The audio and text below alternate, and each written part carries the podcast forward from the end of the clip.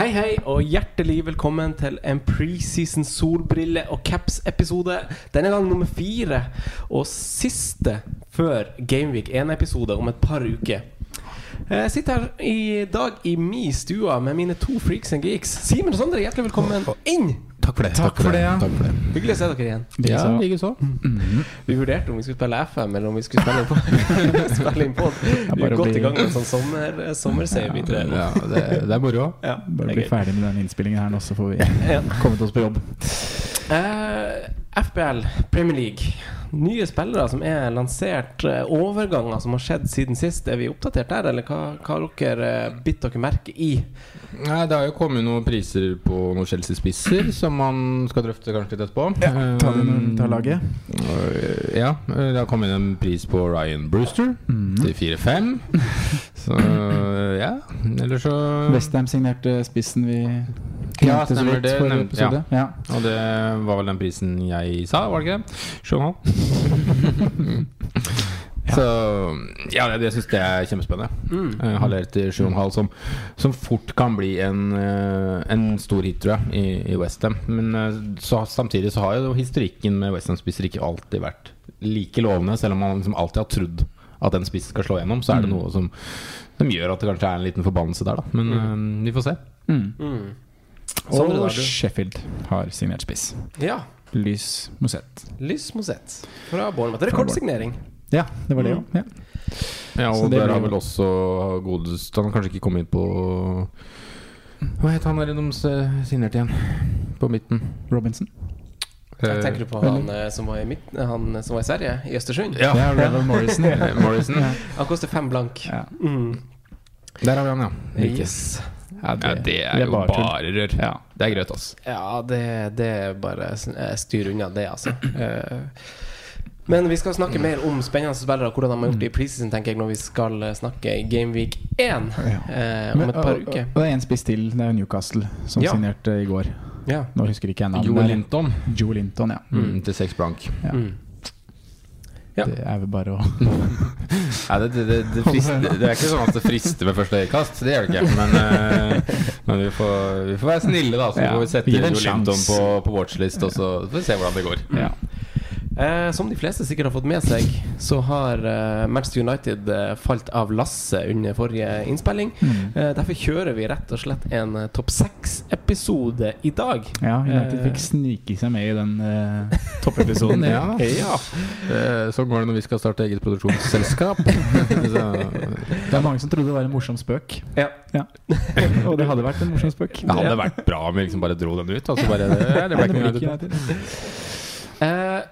Tidligere episoder eh, nå i preseason så har vi forsøkt å innledningsvis dekke noen tema som vi har følt har vært aktuelle Mm. eh, for hvordan man starter en sesong. Litt struktur, litt prat om forsvar, litt trender og sånn. Det rekker vi ikke i dag. Nei. I dag må vi rett på sak. Eh, vi ser jo at vi er jo glad i å snakke om lagene, og det tar si tid. Så skal vi kjøre den fine United-jinglen på nytt, og så gønner vi på. La oss gjøre det. I do, yeah. But, well, listen, all you've got to Man United might not thank me, but get the contract out, put it on the table, let him sign it, let him write whatever numbers he wants to put on there, give him what he's done now since he's come in, and let him sign the contract and go. Ollie's at the wheel, man. He's doing it. He's doing his thing. Man United are back. United, Simen. I år, som for to sesonger siden, så skulle de egentlig befinne seg i preseason-gruppa som heter nest best. eh, det var et meget tafatt United vi så på tampen av sesongen. Eh, Solskjær ønska å handle ferdig innen juli. Eh, kun James og og Van Bissaka er kommet inn der uh, på dette tidspunktet. Og samt en ny kontrakt på Rashford uh, kan vi no da også notere oss. Eh, etter åpning mot Chelsea så ser det rimelig grønt ut for eh, United. Hvordan stiller du deg til de fra sesongstarten nå, Simen? Jeg syns det er litt vanskelig, for man har jo alltid litt sånn Nesten uavhengig av hvordan de har gjort det, så man har lyst til å plukke en United-forsvarer med tanke på at de er, har ofte stoppere som er litt under eh, det de andre lagene oppi der har, og så er det et lag man veit det er potensielt mange clean i, med tanke på at de har David Igea. Selv om han hadde en dårlig sesong i fjor, så er jo han helt, helt der oppe eh, blant keeperne. Eh, så, men det er den fjorårssesongen, da, og, og med tanke på at det er Ole på hjulet som styrer det her, at eh, jeg er ikke helt sikker på hvor vi har United, for å være helt ærlig. Jeg tror de kan være med å kjempe om en topp fire-plassering. Men jeg tror de skal slite med å ende der til slutt, hvis de ikke gjør flere store signeringer. Da. For jeg Mm. tror ikke det er Fambisaka, Maguire som antageligvis kommer inn, og, og James, da, som snur om et lag som så ganske bedritent ut, rett og slett, i fjor. Mm. Jeg tror ikke på noe umiddelbar eh, At det er noe umiddelbar styrking av laget som Ja, Mag Maguire er det. Maguire er en umiddelbar styrking. Og, og Fambisako er nok en upgrade, men jeg tror ikke den, den, den er så eh, Jeg tror ikke det er så mange poeng da mm. i differanse om du kjører Valen- Valencia Young slash Fambisaka på en Mm. høyreback. Jeg, jeg, jeg tror ikke det, altså. Jeg er i utgangspunktet egentlig enig med, med refleksjonene dine her. Og, og Forsvaret, det er jo Det blir litt nei takk, da. Eh, Shaw er for meg mest spennende eh, fordi vi så hva han kunne bidra med offensivt. Eh, eh, men det at uh, Van Bissaka eies av tilnærmet 32 sier jo litt om hvor mange United-supportere som faktisk spiller det spillet her. Um, han har spilt og at han var så god i fjor, da. Selv, Ja. så Ja. folk tar det med er ja. Ja, har fått da Ja, og så har han jo spilt både kant og spiss i sine yngre dager, og han ble jo visstnok omskolert til høyreback etter dem i en treningskamp uh, uh, spilte, og han Zaha ikke kom, for, kom seg forbi han. Derav ble han back. Mm. Uh, men hva tenker vi om, om Forsvaret? Hva tenker du, Sondre? Nei, jeg følger jo det som du sier, at det er liksom litt nei takk. At det blir litt for dyrt, og at det er andre alternativer som er bedre i andre klubber. Shaw kan være noe, men da Ja. Nei, det er ikke noe jeg hopper på fra start. Uh, de hadde jo ikke så veldig god statistikk i bakover i fjor. Og Simen nevner at Digge hadde jo en veldig dårlig sesong i forhold til hva han hadde året før. Eh, så, men hvis det strammes opp igjen der, og de kan finne tilbake til hva United har vært tidligere, så kan det jo absolutt bli aktuelt. Men eh, man må se det først. Det er et lag Så- som man fort kan velge i, i litt perioder, da, Ja. med tanke på at du har hele rekka der til 5-5. Mm. eh, kontra hvor de andre lagene ofte har de samme spillerne til 6 blank eller 6-5. Ja. Så De har, Altså- de har, som et par av de andre lagene vi skal snakke om i dag, en ganske altså Arsenal og Tottenham, det skal komme tilbake til det, men også relativt svak sesonghistorikk denne sesongen defensivt, men lengre bak i tid egentlig ganske solid. Mm. Og vi ser jo United i år, det er ni lag som har sluppet inn færre lag enn dem på hjemmebane, så Old Trafford var jo langt ifra noe fort. Og Ja. de er vel det eneste laget som har seks av ti heimekamper, så nå har de en sjanse til å snu Finne en tilbake trend. til ja. det. you ja, For de var også det topp seks-lag som skårte minst på hjemmebane. Sleit mest med å finne nettmasken av Mm. topp seks-lag. Ja, det var jo en litt sånn ond sirkel det blei til slutt i, i det United-laget i fjor. Og det, det kommer vi nok ikke til å se i like stor grad i år, tror jeg, uavhengig av, hvordan på en måte, det går. Fordi i fjor var det en tydelig misnøye. Om det var uh, Pogba som var virus, eller om det var uh, Mourinho, det er jo liksom uvisst egentlig ennå. Mm. Men at det det var noe som ikke funka der, er jo ganske obvious. Mm. Så, så jeg, jeg, med antall tanke på at jeg hadde sju clean sheets i fjor, da, Mm. så tror jeg jeg er ganske sikker på at det kommer til å kanskje, kanskje Ikke nødvendigvis doble seg, men nærme seg det dobbelte. da Mm. Ja. Når vi De må opp over ti, i hvert fall. Mm. Mm. Ja, det må de få. Ja. Eh, mm. Det her, da, vi nevnte han jo bare i bisetning, eller du, Mm. Sondre. Uh, det, altså, vi vet jo hva som bor der. Mm. Eh, også han hadde jo en sesong som var litt sånn skuffende ut ifra hvordan vi kjenner han fra før av. Det er også neimat fra start, for prisklassen 5-5 blir hun 0-5 under, under de to uh, Alison og Ederson, som vurderes til de beste keeperne. da Men uansett, nei, Matt Ja. fra start. Eh, Dalotta, kan han få en kantrolle? Det spekuleres i det. Ja, jeg, jeg synes um, På slutten av sesongen i fjor Så syns jeg egentlig han godeste Dalot så ganske frisk ut. Ja. Mm. Når han kjørte de oversiktsfintene og bare svippa han inn bak der. Så, um, så hvis han får det, så kan jo han være aktør. Men da blir det jo pga. at han er out of position og faktisk billigere enn resten av, av backrekka der, da. Om vi beveger oss litt framover i banen, så har de jo signert eh, Daniel James. Eh, han koster seks blank på spillet. Og så har vi Pogba til 8-5. Vi har Sanchez på 7. Eh, det må jo nevnes at her er det jo både blanke ark for noen, og det er noen ubeskrevne blad i Mm. til laget her. Vi må også kanskje nevne Martial. Ja, det jeg. det er noen bortglemte folk her. Hva, hva tenker du, Sondre? Nei, det er jo United er et av de lagene som utover kan vise seg å tilby litt eh, spennende offensive spillere til en billigere penge enn hva du får i det som er eh, antatt andre topp seks-lag, Uh, Eh, og um, til å med den mest uh, han som fikk flest poeng i fjor, da, Pogba. eh, 8,5. Det er jo en pris som egentlig er ganske fin, men det er bare veldig sånn slik det ser ut nå, så kommer nok Pogba til å spille dypere enn hva han gjorde i fjor. Eh, du vet ikke helt hvor hodet hans er og sånne ting. Så utover sesongen så kan Pogba absolutt bli noe, men da må han være sikker på at han vil være United, og det maskineriet, må begynne å rulle. Da. Men jeg syns jo det er en del eh, Eller det er spennende å følge Martial. For det er jo en spiller som har fått veldig mye skryt nå under oppkjøringa. At han skal være, ha tatt nye steg og ja. Øh, være en som skal bekle den venstrekantrollen. Mm. Martial har et skyhøyt potensial. Ja. Det har man jo sett siden egentlig dag én. At, det er en, at han har altså, noen, ganger, noen ganger så ser du det bare på en spiller, da. At han har noe, seg som er bedre Han har det ikke helt i hodet. Men Nei, han det- var jo en av de spillerne som faktisk under Mourinho i fjor presterte. Mm. Mm. Han var jo den, kanskje den eneste som presterte under Mourinho i fjor. Mm. Uh, og fikk vel nesten en nedadgående kurve når de andre fikk en oppadgående etter Solskjær signerte. Mm. Uh, så ja, nei. Som du sier, det er, det er noe med hodet der som ikke er helt med, da.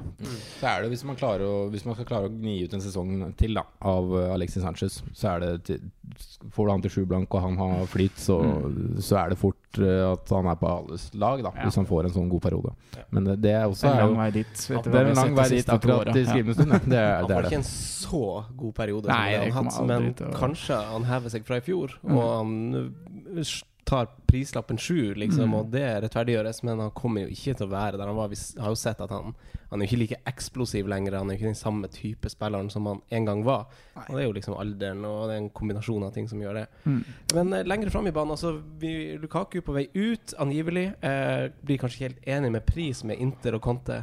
Eh, Rashford fikk skryt av Solskjær for måten han har lært seg å avslutte på etter første treningskamp, og blir kanskje en type mainman der, og etter min mening kanskje den mest aktuelle spilleren i United til 8-5.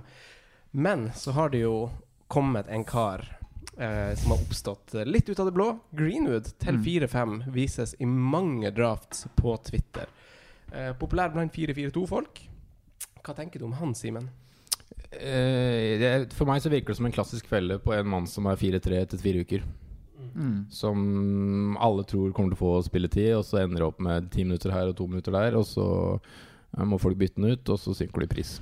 Grunnen til at han plutselig ble så veldig populær, det var jo at han gjort det bra nå i de treningskampene på, i Asia der. Og så hadde Solskjær uttalt vel det at mest sannsynlig så kommer det laget som starta nå, kommer til å starte i serieåpningen mot uh, Chelsea. Uh, men det er jo en grunn til akkurat det, og det er fordi det er andre spillere som ikke har kommet tilbake fra ferie og sånne ting. Og da Greenwood er nok et sånt det er jo et, sikkert et sånt prosjekt som Solskjær liker veldig godt. Ung, lovende fra egne rekker. Eh, kommer sikkert til å gi han muligheter, men at det blir en spiller som er fast i United i år, det, det er ikke noe vi tror. Eh, og da er det en, kan være en sånn felle at det er en spiss som mange starter med, og så vops, så er nede i 4-4 og 4-3 da, på pris i fantasy- fantasy-messig. Ja. Det er, er ikke en mann som, som ender med, med fast spilletid. Jeg tror ikke han klarer å konkurrere ut verken Rashford uh, eller Martial, som kanskje er de to heteste konkurrentene hans, da, med tanke på, på rolle, eller eventuelt James.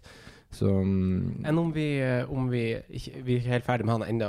Om man legger opp til en 4-4-2-formasjon, Ja. hypotetisk nå, hvor han er førstemann på benken Eh, altså I utgangspunktet så legger de opp til en formasjon hvor du, hvor du har Altså de elleve spillerne du velger, tror du kommer til å spille. Uh, men så skjer det jo noen ganger at det blir en skade, det skjer et eller annet på oppvarming. Du vet aldri, så du får bruk for den første spilleren på benken. Er ikke han en grei spiller der som kan komme inn, selv om han bare har ti minutter? Han, kanskje han kommer med noe attåt, på en måte? Eller hvis han ikke spiller i det hele tatt, så kommer i hvert fall nummer to på benken inn. da Mm. Altså er sånn det en det ser- fin spiller og i første benkerolle, om så, dere henger med på hva ja, jo, sånn det ser ut nå, så er det jo på en måte greit. Men jeg tror ikke han kommer til å ende med mange minutter. Og da vil tror jeg prisen synke etter hvert, og da vil det fort bli en spiller du må bytte ut. da Det er det jeg er redd for der. Mm. At det er en spiller man etter hvert bare må bruke et bytte på å få ut. Og så samtidig, når du har en 4-5-spiller, må bruke et bytte for å få ut, så Mm. er du tilbake til en annen 4-5, da. Ja. Skal du gidde å bruke et bytte i runde fire? to, to bytter.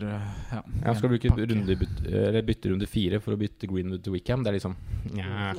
Nei, men det er, Og så plutselig synker han litt i pris til 4-3 eller 4-4, og da har du en case, for da kan du kjøre gjøre en får du ikke dritt. Wickham engang. Men han er jo det beste alternativet i den priskategorien hvis du legger opp til en type Ja, lag som du snakker er om der. da. Hvis du skal ha en spiss som du vet at du skal benke, så er det Greenwood og Wickham som er de to alternativene. Mm. Og det er jo ikke Du blir ikke supergira på det. Men uh, i en sånn total uh, med en totalpakke så kan det gå. Mm. Eh, Rashford han tar jo noen dødballer, og han Mm. blomstrer jo delvis under Solskjær. Uh, relat, altså ikke noen veldig sånn sterke underliggende tall i forhold til andre toppspillere. Altså Prissettinga han er jo ganske fin, Ja. uh, men er det en mann som uh, i år tar steget og virkelig blir blir Solskjær sin gutt, da? Ny kontrakt, Vil tar nok, noen frispark. vil nok variere Fortsette å variere med Rashford, tror jeg. Og det er litt med tanke på at han Han er ikke gamle gutten, eller han er fortsatt ung. Mm. Uh, men jeg tror det bare kommer til å bli bedre og bedre. Og eh, jeg syns at Rashford er litt undersnakka i det lille FPL-miljøet vi er i. Mm. Uh, men det er jo fordi det er mange andre alternativer som er klart Eller som er foran. Men jeg syns prisen er kjempebra. Uh, programmet er også bra i runde to, tre, fire, fem eh, og seks etter de har Chelsea i første. Så mm, Ikke sikkert Chelsea er så dumt i første. Nei, på antall det- skåringer det er ikke sikkert de, Nei, det, er, og det er ikke hjemmekamp, det er ikke det, lett vært som, eller match å vinne, men Nei. jeg tror de scorer. Så mm, Nei, jeg liker, jeg liker Rashford, jeg liker prisen. Men uh, det blir bare litt nedprioritert fra start. Ja. Og Det er litt for at det er litt usikkerhet med United òg, hvor, hvor de er. Du kan ikke bela altså, han, har vært, han har sett bra ut i treningskampene. Han har eh, hatt gode involveringer på målet. Nydelige skåringer, nydelige avslutninger. Men du kan ikke belage deg på at det er bra når Premier League starter. Og det er nok da når Premier League starter. Utvilsomt et lag å følge med på med, med billige løsninger som potensielt kan være der. Så vi har dem i øyekroken, og så beveger vi oss til Nord-London etter en liten pause. Good evening.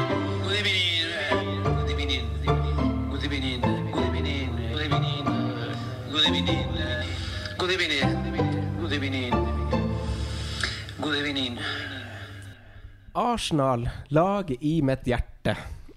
Eh, vi har lagt bak oss en sesong som verken har bydd på fugl eller fisk. Selv i gode resultatperioder spilte Arsenal ganske dårlig. Lite personlighet, lite kontinuitet.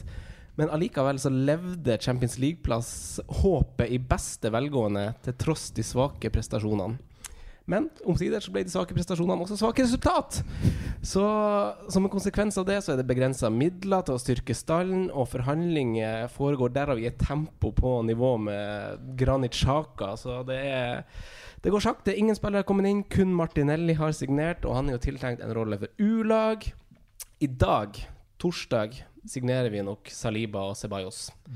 Eh, de er sett i London av Sky Sports i går, så vi får vel en bekreftelse, i hvert fall før helga. Eh, veldig fornøyd med sistnevnte. Det er godt driv der, det er god teknikk. Eh, og klubben i Arsenal er i en posisjon hvor jeg hater litt å si det, men hvor det kan faktisk kan være lurt å låne spillere. Jeg syns det er litt dumt at eh, toppklubber baserer seg på det, men eh, Svak tropp, eh, lite penger. Så får vi se om den her gentleman's agreementen man visstnok har med Florentino Perez til neste år, om det blir noe kjøp av Ceballos, for det er ikke noe opsjon på kjøp. Eh, Saliba han lånes tilbake. Ja, for det er en klink. Han skal rett tilbake dit på lån. Ja. Ja. Så, så morsomt som det er at talenter sikres, og at rekrutteringsgreiene fungerer ganske bra, så, så trenger det jo sårt forsterkning. Altså, Førstepri er jo ganske åpenlagt Saha og Tierney, og så virker Tierney, Tierney. Og så virker det som Korselny ryker, spesielt basert på pressekonferansen til Unai Emery i går. Eh, så det kommer kanskje en stopper i tillegg til eh, en kant og en venstreback, og kanskje noe krydder attåt. Det gjenstår å se. I preseason har det sett ganske bra ut. Sterke resultater. Eh, Jeg har sett kampene, så jeg vil jo trekke fram Aubameyang, Lacassette og Øsil. Forsvaret ser jo fortsatt noe sånn skrukkete ut. Uh, Mustafi ser ut som den samme som han gjorde i vår. Og så har vi jo unggutter som gjør det bra, som høstskryt høster skryt av selveste Siso, så det må vi jo ta med oss. Eh, korte inntrykk, hva tenker dere om, om Arsenal? Nei, altså Det første man ser, er jo en spiss til 11 blank der, som, som har levert eh, 43 målpoeng på, på en og en halv sesong i Premier League. Det er jo egentlig ganske vanvittige tall. Ja, det er ganske sjuke tall. Og så er det en som ligger 1,5 mil billigere, som også leverte bra tall i fjor. Så offensivt så er det jo mye, mye spennende her. Men uh, også Øzil til 7-5 òg. Ja. Syns jeg kan bli, kjempe, kan bli kjempespennende. Eh, har vel fått en del skryt nå i, i treningskampen, han også. Nå har ikke jeg sett like mye som deg, men av det lille jeg har lest, så har vel han vært ganske på. Ja, han har det, og vi så det veldig mot eh, Los Galacticos nå, egentlig. At både touch og til og med gjenvinning er satt. Og har veldig god dynamikk med Pumpel og Pilt på topp også, så det, så det er veldig det er et fint samarbeid på gang der som Mm. åpenbart skal drilles inn. da Eh, Men vi har sett det før. Ja. Eh, Men samtidig så tenker jeg at eh, Jeg hørte på Fantasy Football Scout eh, hvor de sier at det er kanskje ikke det med statistikk eh, altså vi ser på i preseason. Vær litt forsiktig med å se på hvor mange mål den og den har skåret osv.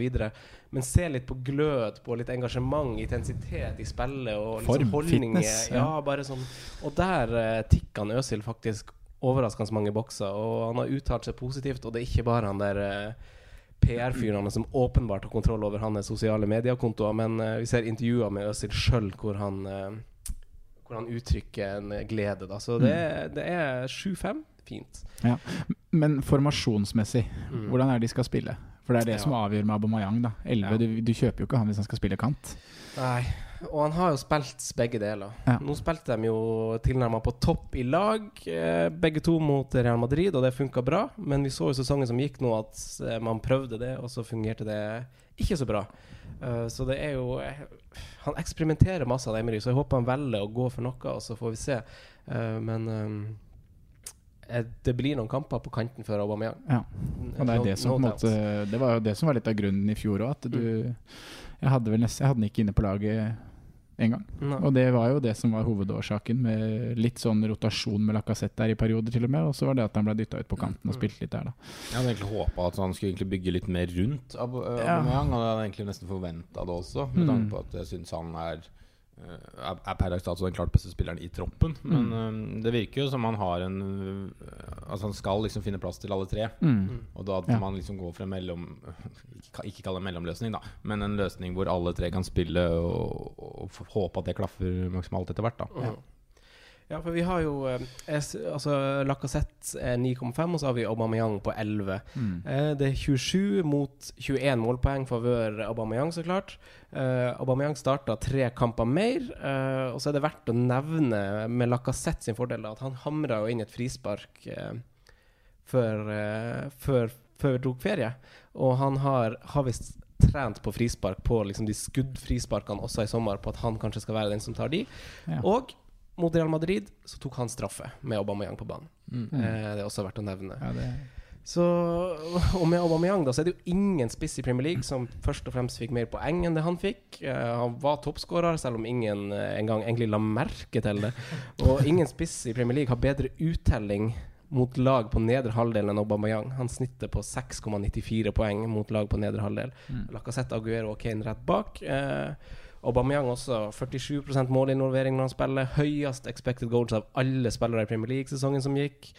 Flest store sjanser av alle i hele Premier League. Så Ja, grunnen i fjor var jo at man ikke helt kunne forutse når det Altså det, det kom litt sånn uventa tidspunkt, og det kom jo tre målpoeng på et innhopp der, og det var liksom Han var veldig vanskelig å lese. mm. Men han er jo Han er jo en målsnik Ja. av dimensjoner. Og, Ja, ja, ja, og jeg håper liksom at han nesten bare får For han hadde vel var det rundt 2700 minutter i fjor.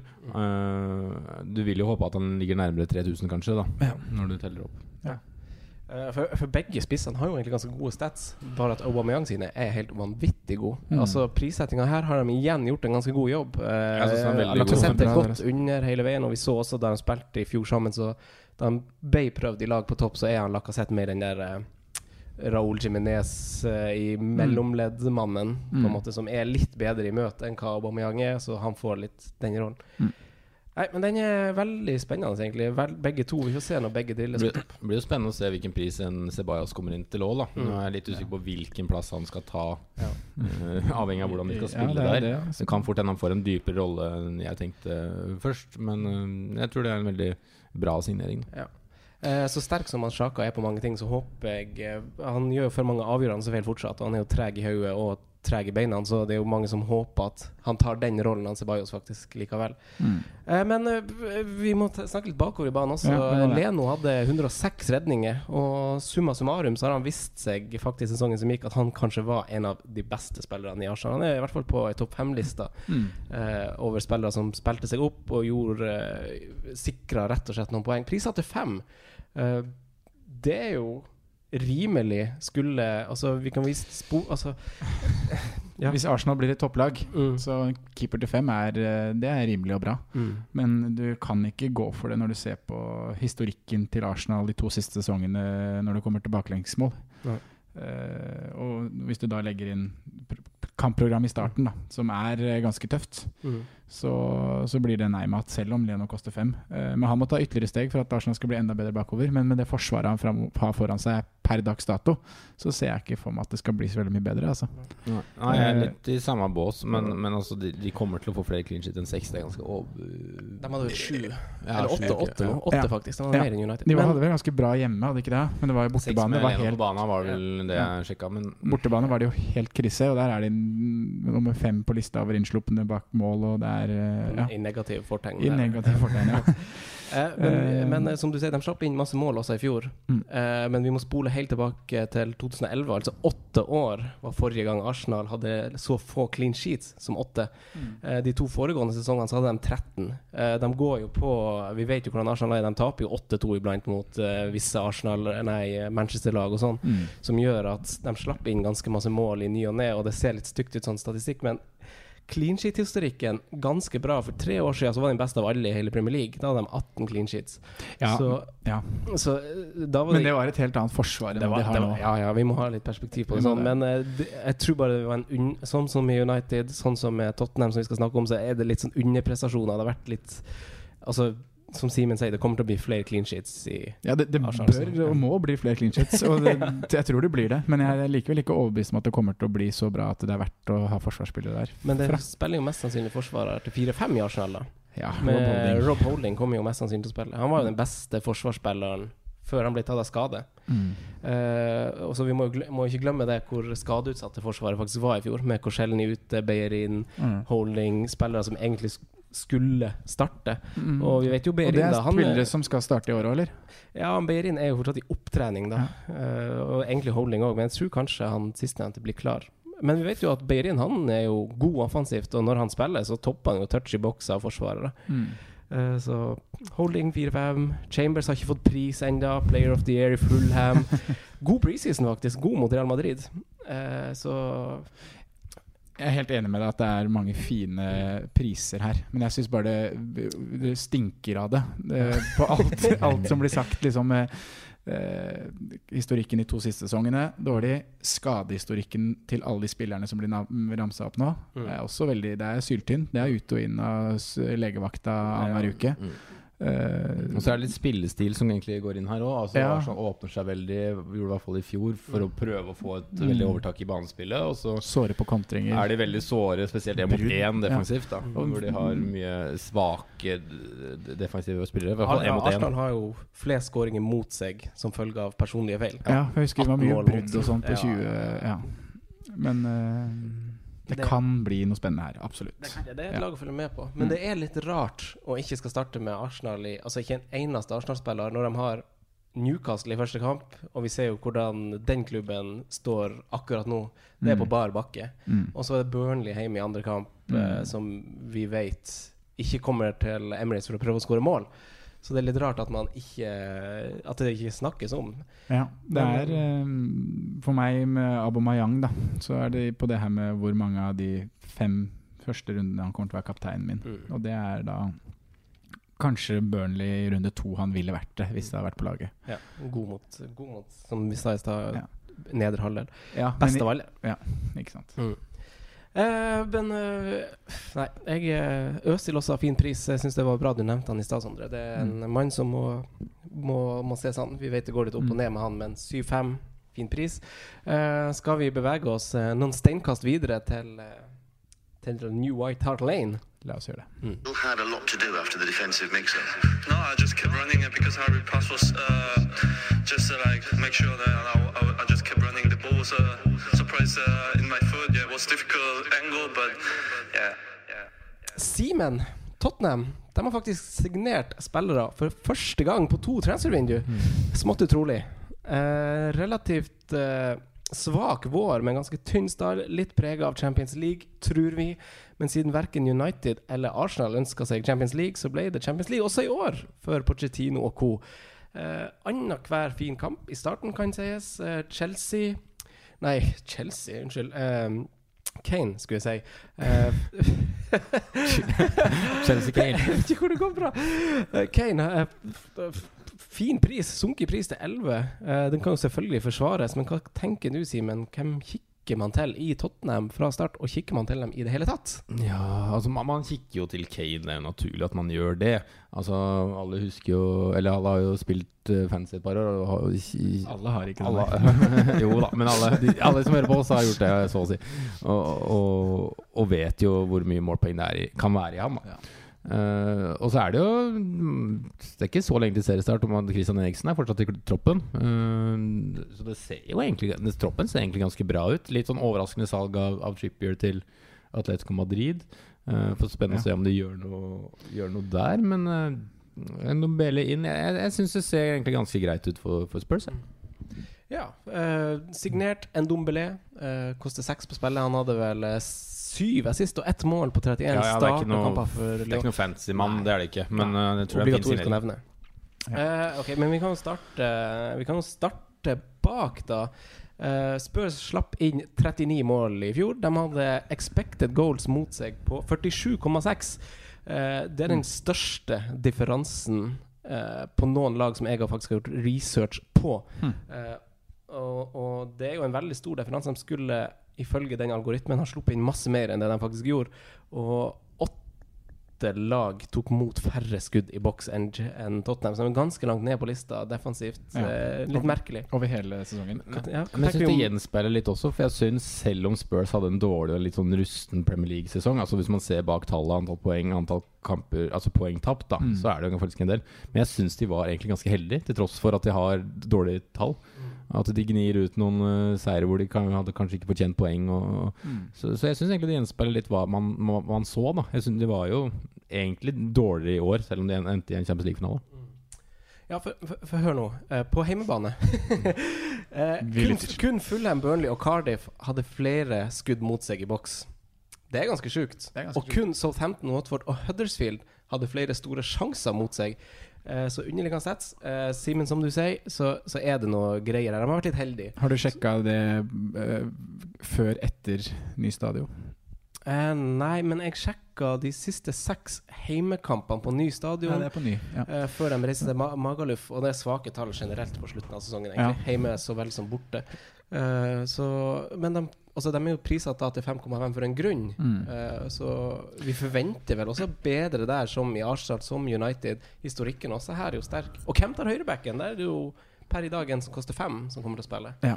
Jeg tror bare skal han ende med å ta den. Jeg synes Aurier ja, Aurier koster faktisk fem, han òg, men jeg tror ikke han, tror ikke han er, er god nok. Jeg tror han er for hissig på grøten og, og passer ikke helt inn i, i hvordan man skal spille fotball der. Så akkurat nå så tror jeg det blir Walker Peters. Ja. Mm. Så har de jo han eh, det er sånn typisk Porcetino-løsning òg, vet du. Du har jo Han får Foyt masse ut da. av de unge Foyt gutta. er en mulighet, ja. kan spille. Det er det. Men bare sånn det svake tall mot slutten av sesongen på Tottenham Ja, eh, Tottenham er kanskje et av de lagene jeg velger å ikke legge så veldig mye i de siste Eller innspurten i Premier League. eh, I og med at de hadde et sluttspill i Champions League der som var sikkert tok mye fokus, og den oppbygninga til Champions League-finalen er jeg ganske sikker på at hadde stor påvirkning på akkurat det. Mm. Eh, så det er helt riktig at de skal bli prisa eh, Eller at de har fått riktig pris. De er knapt billigere enn de andre topplagene. Eh, men jeg syns det er en liten gave, jeg. Eller jeg tror det kan bli en liten gave. At man kan finne veldig fine alternativer her nå, og spesielt med at bekker blir solgt og andre bekker blir linka ut. Det er vel Rose og Davies er jo klubben begge to, men det har jo vært noen rykter der også. Ja, for Rose var ikke med. Davies Eh, signerte ny kontrakt, ja. Rose var ikke med i Ja, Mm. så ja. Mm. Eh, helt enig. Det, vi vet at historikken der er sterk. Mm. Og hvis Toby og Jan får fortsette som midtstopperpar, så det er en viss kontinuitet bak der. Mm. Og det er jo Pochettino også blitt en litt sånn greie at han har jo starta sesongen med en del clean sheets, og de har tatt dratt til land en del sånne 1-0-seiere og hatt en litt slow start. da Så jeg syns det er spennende også fra starten, jeg, altså, Mm. med Tottenham-forsvarere. Eh, på midtbanen, da, der har vi en uh, sleeper Dele Alli. Mm. Vi har Lukas Mora, vi har Son, som er suspendert i to første kampene. Eriksen, som Simen nevner, er fortsatt i klubben. Uh, så Lukas Mora starter nok i fravær til Son i de to første kampene. Mm. Er det en mann, og, og da sikter man ser noen gjør det fin pønt. Ja, men da er det også, igjen, som Simen nevnte tidligere i episoden, at da er en spiller du må bruke Altså Hvis du har 38 bytter i løpet av en sesong, så forplikter du deg til et bytte der med en gang. Det er ganske verdifullt bytte hvis man har litt Det er, ikke, det er ikke sikkert du forplikter deg til å gjøre et bytte. Lucas Mora kan jo ta en plass i, i startelveren hvis han gjør det bra, og det håper du jo på hvis, hvis du starter med han. mm. Uh, men det er nok en spiller du mest sannsynlig må, må få ut etter hvert, ja. Ja, jeg tenker litt samme, og så syns jeg han er litt for dyr til å gidde å ta den, den sjansen der, egentlig. Altså På 7,5, da, da, da, da finner du faktisk spillere i andre klubber som nesten er main mans, da. Ja, Eh, ikke sant. Du har uh, Frazier, da. Mm. Ta han isteden. Så Så- har du en som er klink og skapte mest sjanser i hele Premier League i fjor. Så. Ja, Du må ikke bli blind på hvordan lag de spiller på. Det er noe med Men det, selvfølgelig er det fristende med den åpningen de har, da, i hvert fall Villa hjemme. Mm. Og så er det tøff kamp i runde to, og så er Son tilbake i runde tre. Mm. Som jeg syns er Ja, jeg, jeg tror nok fort at Villa hjemme, med tanke på Kanskje ikke Nå prater vi akkurat om midtbaner nå, da, men jeg tror kanskje det er den kampen det er mest optimalt å egentlig ha en kaptein i. Mm. Men problemet er jo runden som kommer etterpå, om Mm. man skal gidde å Ja, og City, ja. at det koster så mye da for å få kaptein i runde én. Mm. Ja, ha Harry Kane der. Ja, men, eh, Men- vi, vi kan jo hoppe Vil dere si noe mer om midtbanen? Ja, jeg syns at eh, Son eh, Han har jo også vært eh, frisk nå i preseason, det er en lille han har spilt. Mm. Uh, virker som han er i form.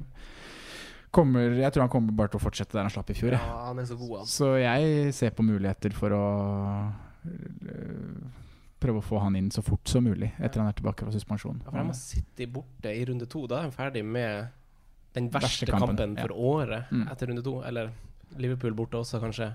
Men likevel, én av to. Ja. Og så er det Newcastle, Arsenal, Palace, Leicester, Southampton, Brighton og Watford i kampen etter der. Ja. De skårer i alle de kampene. Det gjør de. Uh, Hurricane Irma mm. Han uh, skårer fra midtbanen.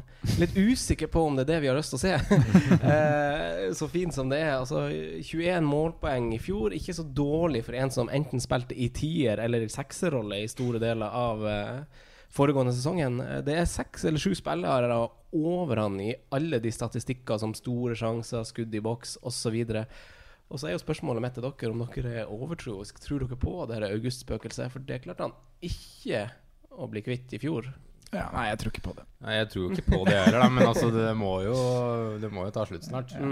Men uh, Men det, det lover jo så bra. Villa hjemme 10. august, Newcastle hjemme 25. august. Ja. Harry Kane kommer jo til å skåre en av de to. Mm. Det gjør han nok. Og Kane var ikke seg selv i fjor. Du kan ramse opp statistikk og si han ligger bak de beste spillerne, men han ligger ikke langt bak selv med en dårlig sesong. Mm. Og han han hadde vel nesten to år eh, fotball på rad der uten noe som helst av hvile. Eh, litt sånn småskada hele tiden. Eh, Ja, de kjem- der er Ja, det- Kjempa seg liksom hele tida sånn akkurat tilbake for å få Mm. spilt de viktige matchene, og var nok på 80-90 da. Men var det Og- kanskje litt synd for ha, faktisk for han, da, med tanke på denne sesongen her, at det ble Champions League-finale i fjor òg, hvor han Ja. rush, eh, tilbake. Mm. Men nå har han i hvert fall fått en god, en god sommerferie, da. Mm. Og jeg tror at det var akkurat det han trengte. Tatt noen drinker på Granca, så han er klar han for, eh, for Villa. Ja. Gifta seg, har han òg, har han ikke det? Han det òg, ja. Såpass, ja. Ja, ja, Jeg lurer på det. Lurer på det. Da blir det ordning? Men eh, starter dere med han Kane? 11 blank. Altså, det er jo en svær Altså, luringa oppi de her FPL-tårnene som sitter og prissetter de spillene, er jo eh, rampete gjort. Mm, det er rampete gjort. Det er, det er rampete, ja. Men uh, jeg tror jeg gjør det. Så starter man Kané. Jeg tror det. Ja. Dæven, Mm. dæven, dæven, dæven. Jeg er veldig 50-50 akkurat nå, men jeg tror nok ikke at han kommer til å være med. Men uh, Nei, det, det gjenstår å se, altså. Vi får se om det, er- det er som du sier, da. Har de, verst, de har kanskje den verste kampen i runde to, men de har jo to av de potensielt beste i runde én og tre. mm, mm. Eh, Så får man se da man, om det veier Mm. over. Mm. Og de, City kan fortsatt slippe inn mål på Etiad. Altså, Mm. de har ja, ja. gjort det i fjor, Det- de. Og de slapp inn en Tottenham del Tottenham. tre eh, mål der. Ikke sant? Ja. Så, så ja, Men kommer du da til å kapteine han uh, i runde én? Hvis jeg ender med Harry Kane på laget, så gjør jeg nok mest trolig det, ja. Mm. Jeg tror ikke de skårer på Etiad. Uh, runde tre, kaptein? Ja, det her er jo kamper, det er kamper da, Newcastle som er så dårlig som Eller ikke så dårlig. Altså, det er ikke sikkert Steve Bruce i, i Newcastle blir så ille som, man- som man frykter, med tanke på Nei, all hysteriet rundt klubben. Men hvis de ser dårlige ut, da, de to første rundene og Mot Spurs, Arsenal etter at Aubameyang har skåret hat trick i runde én. Yes, og, og Arsenal og Spurs ser bra ut etter uh, ja, Smadra Villa og gjort det greit mot, mot Eller sett bra ut mot City, så hvorfor ikke kaptein i runde tre mot Newcastle? det, det strider jo egentlig mot alt å ikke ha Kane på laget mm, når vi ser på de to kampene de har der. Men det er for min del så er det det at de har to andre spillere over To andre kanoner over. Over 12 millioner, da, som jeg heller vil ha der. Eller som skal være der. Og da blir den totalpakka med å ha Kane der i tillegg, kommer til å bli Det ser tynt ut i rekkene ellers. Da blir det mye First Price uh, Ja, altså. Ja, er av- Og det kan være bra, det, for all del, men uh... Men det er jo noen faktorer som spiller inn, som også begrunner det. Altså, Guds bøker sier ja, det er jo litt sånn overtroisk, og det er ja, litt det sånn er psykisk spill, men det er der. Ja. Og så er det sesongen som gikk. Og hvis, altså, da er det jo spillere som har levert bedre, hvis vi Mm. ser på Det blir liksom så langt tilbake for å se tilbake på den Kane vi, Og så har du, så er du. Kane på hjemmebane mot antatt svakere motstand. Mm. Det er heller ikke noe sånn særlig. Ja. Jeg tror han er jeg oftere bedre i de store oppgjøra, han Ja. faktisk. men- Ja, og så er det borte mot sånn type eh, middelhavsfarere hvor det har blitt mye mål. Mm. Jeg tror jeg kan telle ganske mange kamper hvor jeg har sittet og frustrert meg over Kane hjemme mot West Bromwich, hjemme mot Huddersfield, hjemme mot uh, Så Westham. skal man jo faktisk si at det er jo en faktor som også er litt negativ for Kane, er jo faktisk Tripper ut, som Mm. ofte var en veldig link. Tripper til, til Kane. Mm. Og i hvert fall hvis Eriksen ryker i tillegg. Mm. Ja. Da Men altså er det det som får, kanskje får motsatt effekt, da, at kanskje Kane blir involvert i faktisk enda større prosentdel av skåringene som faktisk kommer, med at de to kanskje stjeler mindre målpoeng. Og Ja. eh, Ja, altså det er jo det er et begrenset uh, antall hvor mye lag kan score, da. Så vil det jo være de som er på banen som stjeler prosentene av det. Mm. Jeg, jeg bygger i hvert fall laget mitt Altså Jeg er jo veldig pro det her vi snakket om i en tidligere episode å ha en balansert tropp med pengemidler. Og Og da er det all logikk sier at du skal ha Harry Kane på topp. Nei, men jeg vil i hvert fall ha en Kall det en eh, exit-strategi, da. Fra, fra noen av de andre kanonene jeg har, som gjør at jeg kan få han inn eh, uten minuspoeng til runde tre. Kult, uten at det går utover troppen, men at jeg har en idé om hvordan det kan gjøres på to bytter. Uh, F.eks. hvis jeg starter med Wilson eller Vardy eller et. Lacassette, kanskje du starter med. ja, et eller annet. Ja. Jeg har ikke tenkt helt ut på det, men jeg syns det er viktig å tenke litt exit-strategi, og hvordan man kan få på å ikke male seg opp i et hjørne med liksom Mm. kun billigspillere i et ledd som gjør det vanskelig. da Mm. Eh, skal vi eh, flytte oss til, eh, til Chelsea? Ja, vi gjør det.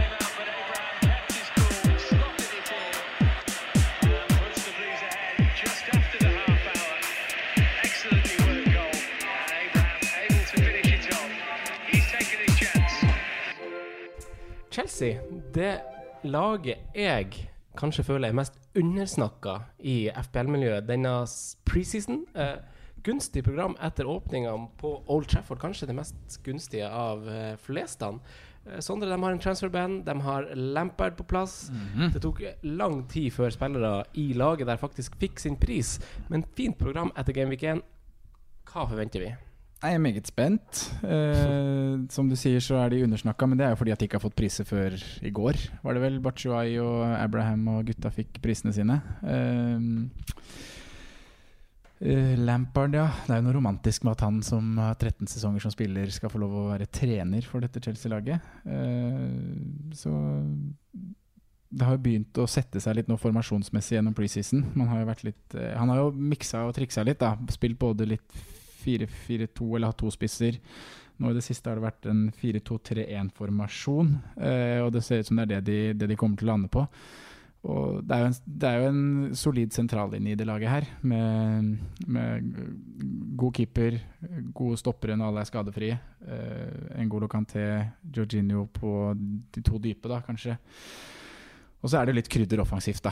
Og det er jo litt synd at det er eh, Du har noen spillere som er skada nå, i Ruben Loftus Cheek. Du har eh, Hudson Odoi, som jeg tror hadde vært veldig spennende og, med i fantasy-diskusjonen hvis de hadde vært, eh, vært spilleklare. For jeg tror Lampard er en Du nevnte vel litt før vi trykka rekk, Franco, at Lampard er en sånn trener som gjerne vil satse litt på det engelske.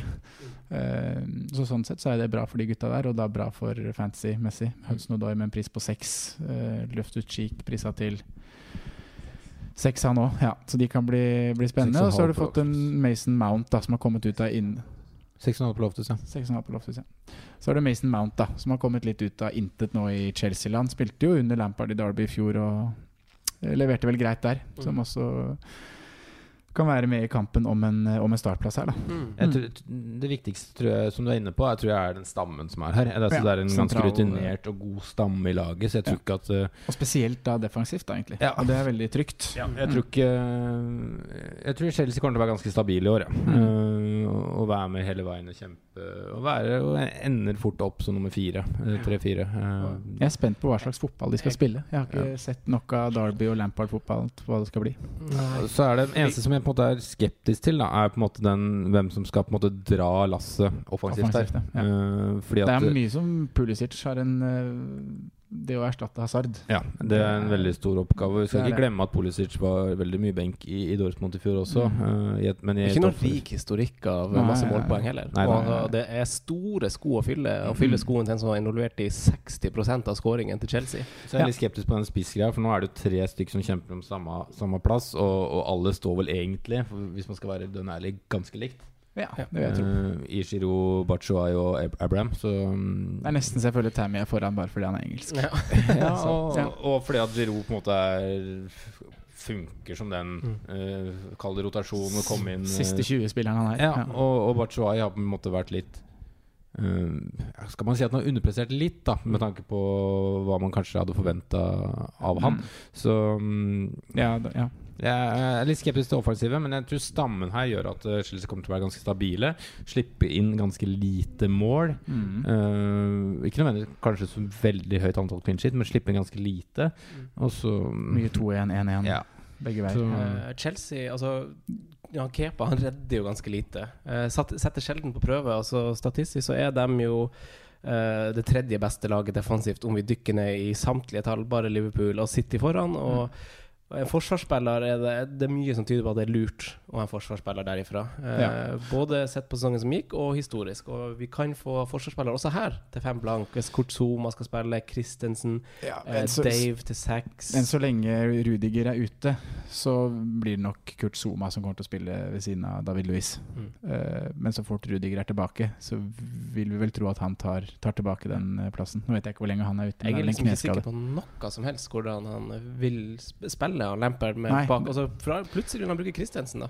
Ja, kan det. Mm. Men det er sikkert er at As As. Aspi spiller høyrebekk, da. Mm. Og David Louis er en av to stoppere, men de er jo prisa eh, kneppet over igjen til de, blank. de er prisa litt stivt med Ja. tanke på at man ikke øh, Ja, med tanke på at det er ny trener og, og det Så nå har vi der, ikke, da. har vi ikke Aspi Morata-linken heller. Så Nei, altså og Alonso, da? Er han litt sånn bortglemt mann? Altså, kunne, han er bortglemt. Altså, han Mannen har jo hatt målpoeng i øst og vest i tre sesonger nå. Og, han, han, han, og hadde, eid han, hadde, han, hadde, han hadde seks målpoeng nå.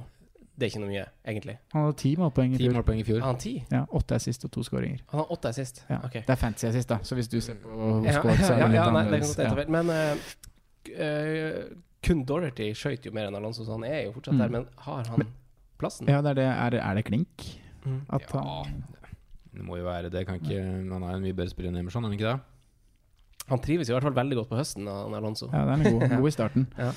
Jeg skal høre litt med, med, med, Chelsea i sosiale medier. Men altså Jeg tror jo Alonso kommer til å ta den plassen på sikt. Mm. Ja, altså Det er jo, en, det er jo et våpen. Altså, kan, Ja, ja, ja. Du kan godt si at Alonso er en litt rar venstrebekk. At han ikke er, kanskje er den beste defensivt, men han er jo et fenomenalt våpen. Både på Han er god på hodet, på offensive dødballer, og han er, har en fantastisk fot på, på direkte frispark. Så, Skal spilles, det, vet du. så jeg tror han skal spilles. Ja. Eh, jeg er jo egentlig litt uenig med deg, Simen. Eller ikke uenig, men jeg tror bare annerledes enn deg. Uh, det er faktisk et hold i notatene mine, for jeg har bare skrevet På, på Alonso, eller hva tenkte du på? på, på Chelsea og deres okay. sesong de har i vente. Jeg tror egentlig i vel så stor grad, om ikke større, det er bare personlig mening, da, så tror jeg kanskje at Chelsea har eh, gode muligheter for å være det laget som havner utafor. Eh, det er masse det, det, jeg ikke, det jeg glemte å skrive ned, men som jeg har lest en plass, er eh, om Lampards overprestering med Derby. Mm. Hvordan det var utrolig effektivt. Han rullerte masse på laget. Eh, veldig lav sånn expected goal. Skapte lite og ble ganske godt kjørt rævkjørt egentlig av Aston Villa i opprykksfinalen, syns jeg òg. Sto liksom aldri noen sjanse på å vinne den uh, finalen i playoff-kampen. Og uh, jeg er litt sånn skeptisk til om han Jeg liker han Lampard, om det, men om han får hjulene i gang med en gang, da, og uten Hazard som har uh, egenhendig båret det laget der, så Jeg, forstår, jeg, jeg er- skjønner veldig godt hva du mener, og, og hva du sikter på. Bare at jeg tror For det første kvaliteten på lagene her. da Eh, Et Derby-Chelsea, altså mm, med tanke på det. Ja, det. Jeg tror han har veldig fint tidspunkt for Lampard å komme inn. Det er ikke så store forventninger med tanke på at de har ikke lov til å kjøpe, kjøpe noe særlig. Altså Du må jobbe med det du har. Mm. Og at, som Sondre sier eh, også, stammen er god her. Den er rutinert, den er god. Så jeg Mm. tror dette er et lag selvsagt som kommer til å savne Hazard, men som er egentlig ganske uh, godt besatt. Ja. Mm. Jeg tror, Dere må misforstå meg rett, jeg tror helt klart de vil være langt oppe, men jeg tror ikke de kommer til å, å hevde seg.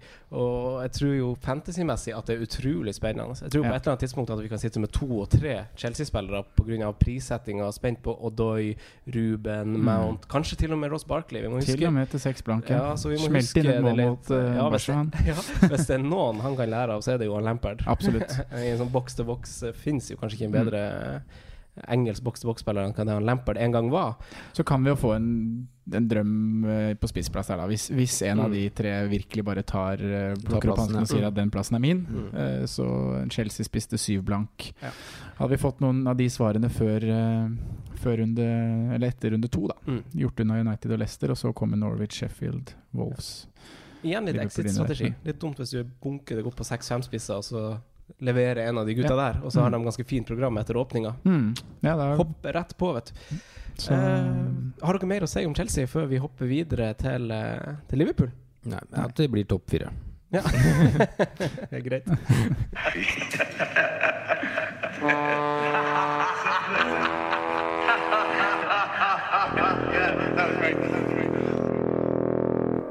Liverpool, runners up. Mané skrudd opp. Eh, så fortjent. Eh, det samme er backene og van Dijk, naturligvis. Eh, altså, hvorfor og hvem velger man fra Liverpool? Nei, I mine øyne så er det vel ikke noe annen fasit enn at du skal ha, du skal ha Salah og Trent. Og så kan du da velge sistemann. Altså, kan vi legge den død? Altså, for, for eventuelle nye fantasy-spillere som hører på oss. Ja. Man skal ikke gå inn og felle og ta noen andre Liverpool-spillere og så- og så se noe varp i Vinaldum til 5-5. Liksom rare altså, man- Det er sånn man styrer unna, eller? Vinaldum til 5-5 styrer du unna, ja. ja, ja, men, ja, okay. Men Nei, men ja, Salah og Trent, det er, det er i mine øyne at det skal være med. Ja. Og det er øh, Skal vi gidde å begrunne det, eller vet folk det?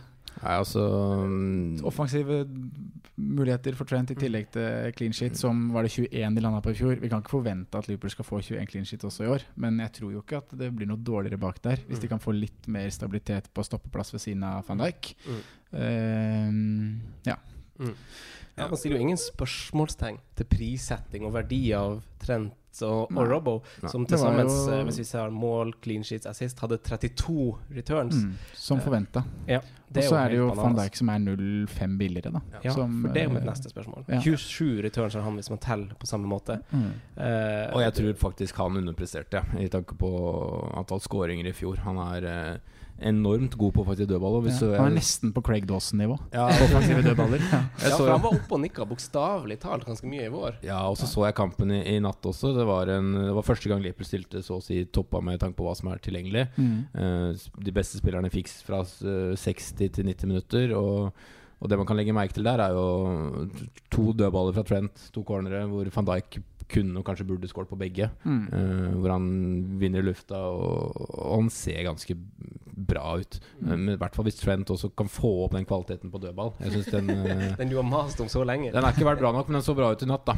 Uh, og så tror jeg Det er veldig mange som spekulerer den siste plassen. Jeg tror det kommer til å ende med en Joel Matip, da, som, som Stopper, får ja. den stoppeplassen. Og så litt fordi at, eh, at han, Jeg føler han passer van Dijk best som makker, og, og at jeg tror Gomez er mer den poteten enn så lenge. Mm. Selv om kanskje Gomez har et mye høyere potensielt nivå som, som stopper. Okay. Simen, uh, sjøl så ønsker jeg egentlig å ha 0,5 i banken når jeg starter sesongen, for å ha litt manøvringsrom. Kanskje jeg altså, egentlig skulle hatt 0,2, men det går jo ikke.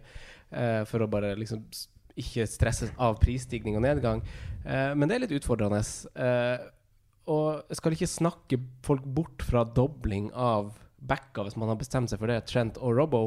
Men van Dijk han er jo også mest eid av eh, Liverpool-forsvarere. Kan han Kan man ha han og en back for å spare 0-5 istedenfor å kjøre begge backene? Jeg tror det, altså. Jeg tror man kan det. Og det er, hvis man teller opp til slutt i fjor òg, så er det, det er fem poeng som skiller Robertsen og van Dijk. Eh, så det er ikke veldig mye. Og, og vi vet jo også at um, at van, van Dijk spiller alt. Det er mindre belastning å spille stopper enn å spille back. Mm. Og selv om begge back har spilt ganske mye i fjor, så skal det litt lite til da før det er en liten knock og du er ute et par kamper, eller at du bare er sliten. Selv om ikke Liverpool har noe åpenbart cover for, for Robertsen akkurat nå, så jeg, jeg tror nok van Dijk Jeg, jeg tror faktisk van Dijk ender øverst av de, av de tre, med tanke på antall poeng. Og, og det kan bli ganske bra. Det er Det som er litt- Det som er litt spennende, da er jo eh, Mange har spekulert i Mané kommer tilbake 5. august. Mm. Seriestart er 9. august. Jeg tror fortsatt at han går rett inn i laget. Men, øh, men Origi til 5-5 har sett ganske sharp ut i preseason. Mm. Uh, og det kan fort hende at han stjeler faktisk minutter av Firmino eh, Mm. godt over sesongen. Uh, det, det som eneste som er drit, er jo at man har tre plasser. Ja. Og det blir jo antageligvis at man ikke gjør det. Men uh, Origi-punt i starten kan fort være verdt det. Mm. Ja. Men man gjør det nok ikke med tanke på at man vil ha to defensive og Mm. Mohammed Salah. Mm. Mm. Ja. Eh, altså, nå er det én million som utgjør forskjellen på Salah og Mané. Mm. Er det fortsatt en no-brainer sånn at man går masse, ma no-brainer at man går for Salah? Jeg syns det at det, Mané nå er skrudd opp, i prisen, eller valget enklere. Mm. Det var vanskeligere valg å ta i fjor, og da endte jeg med å starte med begge to.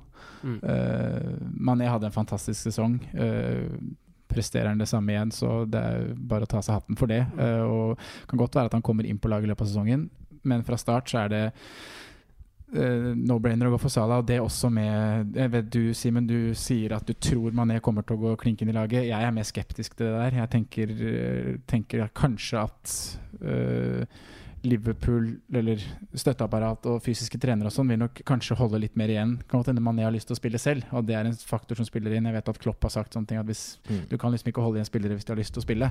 Men nå hadde Mané et uh, fotball-VM i fjor. Han har hatt en lang sesong med Liverpool. uh, mange kamper, Champions League-finale, og så rett i Afrikamesterskap. Eh, derfor tror jeg at det, det vil være lurt av han å nå ta noen dager off, og så kommer han tilbake 5. august, og da får han noen treninger Mm. eller økter i beina før han går inn. da Og det kan lønne seg med tanke på hva som skal skje i april og mai. Ja. At det å Det, det, komme hardt det virker veldig ja. logisk, men jeg bare mm, er ganske, eller føler at han kommer til å bare gå ganske kjapt inn i laget, Ja. selv uten, det- uten trening. Man er jo en lettrent fyr òg, det er jo ikke noe Eh, ja, og så er det litt med hvilke alternativer man har. Man har ikke så mange per dags dato, med tanke på at Shakiri er ute. Mm. At Origi og, og Brewster virker som å, å, å bli terpa i den sentrale rollen, ikke ut Mm. på sida. Um, ja, det, det bare virker som at det er eh, kun Mané da, som egentlig kan spille den venstre, Vi har venstre sett, Sånn Origi, vi har sett Origi Jo altså, da, vi har jo sett før, noe, men det er- Var det ikke noe Vinaldum på kamp mot Bæsja borte òg? Ja, vi hadde Vinaldum som, som falsk nier på, på, noe kamp, og han spilte, Vinaldum spilte venstre kant i, fjor, i går, eller i natt. S- men det uten særlig hell. Altså det er ikke noe Både han og Chamberlain var på hver sin kant i natt, og det var ikke noe Chamberlain. krutt. Ja, han er der, ja. uh, Chamberlain er mye bedre Eller han var nesten ikke involvert. Han må inn i, inn i midten. Så mm, Det er jo artig med Chamberlain. Jeg fortalte dere at jeg fikk den der Liverpool Chamberlain-drakten. Mm. Han har fått nummer 15 nå på ordentlig. Mm. Men jeg, jeg fikk jo i bursdagsgave eh, noen måneder før han gikk til Liverpool, så fikk jeg Chamber Chamberlain eh, Liverpool-drakt med nummer 15. Ja, det er gøy. Av gutta, ja. Men, Men eh, programmet da gjør det jo enklere for Liverpool å kunne hvile Mané, da. At det er Norwich de møter. Ja. Ja. Så ja. Men ja, eh, også med referanse til det fine kampprogrammet, eh, så skal man ha tre Liverpool. Eh, det er nesten eh, tror, man, opplyst og tror man skal ha tre Liverpool uavhengig av kampprogrammet. Men eh, altså, er det litt undersnakka, den her tredjemannrollen? Altså, kan det være Bobby tolv mål, seks assist, i et program hvor det skal skåres mål? Mm. 56 skudd i boks. Eh, Sala hadde jo 95, så det er jo Men han har f.eks. mer enn Rashford og Pogba. Ingen spiller som nå er klassifisert som spiss, skapte flere sjanser enn det Firmino gjør, så han har jo flere strenger å spille på. Uh, og vi vet jo, eller vi antar jo, at de kommer kanskje til å være det laget som skårer mest mål, så hvorfor skal man ha to defensivt og ikke to offensivt? Nei, Man skal ha to defensivt, for det er det beste defensive laget i Premier League. Mm. Mener jeg, da. Mm. Uh, og, og det har litt med hvordan de endra approach i fjor, med tanke på hvor mye mer solide de er, spesielt på midten. Da. Og Fabinho nå med en, en full preseason bak der, så tror jeg det fortsatt kommer til å bli veldig bra. Og det er to backer også som tilbyr mye målpoeng. Det er en stopper som tilbyr mye, faktisk kan tilby mye målpoeng. Så det er, Du det er målpoeng selv om du ikke har det offensive der, da. Trent har 14 14 målpoeng i fjor. Mm. Mm. Det er liksom Det er jo At du da får clean shit i tillegg, er jo bare bonus. Mm. Og han, kommer jo, han er jo fortsatt ung, og han, han veit jo det nå at han, han kommer til å ta det meste av dødballer. Mm. Fordi det er ikke så mange andre dødballføtter på i den, i den toppa elveren. da Nei, det er det faktisk Så ikke. direkte frispark og, og corner blir fort hans rolle, da. Mm. Så Det kan godt hende du sa det nå, men Firmino er han tilbake. Firmino kommer tilbake nå på mandag, hvis jeg tar- ikke tar helt feil. Både han og Alison Becker. Så mm, Ja. øh, Men jeg, jeg er litt skeptisk til Firmino. Det var det, det som egentlig var spørsmålet, vel. Så mm, jeg er litt skeptisk med tanke på at jeg tror både Origi og Brewster kommer til å stjele spilletida av han i år. Uh, Brewster er jo en sånn enorm hype som egentlig ikke man har sett på Liverpool siden Mike Lowen, så han òg kommer til å stjele mye spilletid. Ja. Ja. 4-5 koster han. Ja, men altså Det er ikke noe å tenke på, men han Nei. kommer til å stjele spilletid. I hvert fall med tanke på hvor mange kamper det er. Mm. De første to ukene så har vi Liverpool fire matcher med tanke på Community Shield og, og Supercup i Mm. Istanbul.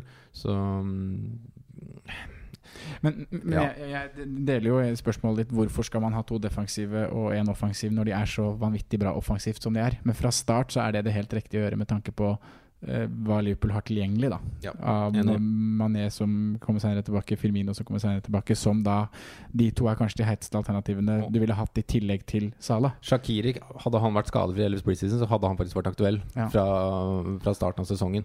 Men uh, det er han ikke. Han er ute med skade, så Mm. ja, Det er litt åpent da hvem som på en måte får minuttene der. Mm. Uh, og det blir nok fordelt på tre, tre mann. Og Hvis du da sammenligner det med City, da, som er det andre laget hvor- som har veldig bra offensivt, så er det der igjen kanskje sikrere hvem som spiller på de offensive plassene. Mm. Så to defensive fra Liverpool, én offensiv, og så snur du det når det kommer til City, da. Skal vi bevege oss til City, eller? Ja, vi gjør det. Mm. Ja.